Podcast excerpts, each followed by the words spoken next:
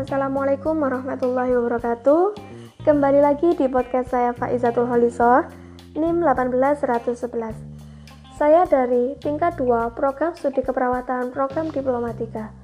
Di sini, saya akan menjelaskan sedikit tentang bagaimana menyusun metode penelitian deskriptif. Sebelumnya, apa sih itu penelitian deskriptif?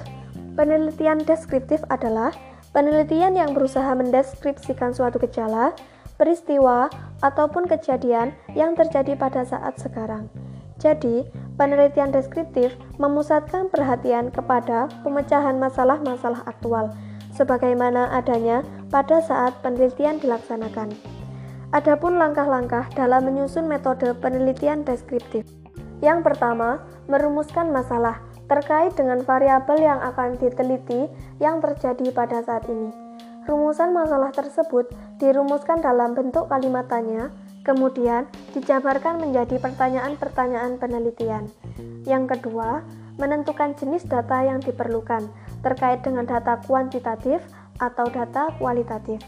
Data kuantitatif yaitu data yang dapat diukur dengan angka ataupun dengan persentase. Jika data kualitatif yaitu mengumpulkan data yang tidak dapat diukur, misal untuk memperoleh pendapat atau motivasi seseorang. Yang ketiga, menentukan prosedur pengumpulan data. Terkait dengan prosedur tersebut, kita bisa menggunakan dengan tes, wawancara, observasi, angket, atau sosiometri. Yang terpenting hanya untuk mendapatkan informasi yang akurat. Yang selanjutnya yaitu yang keempat, menentukan prosedur pengolahan data. Data yang dikumpulkan mula-mula disusun, dijelaskan, kemudian dianalisa.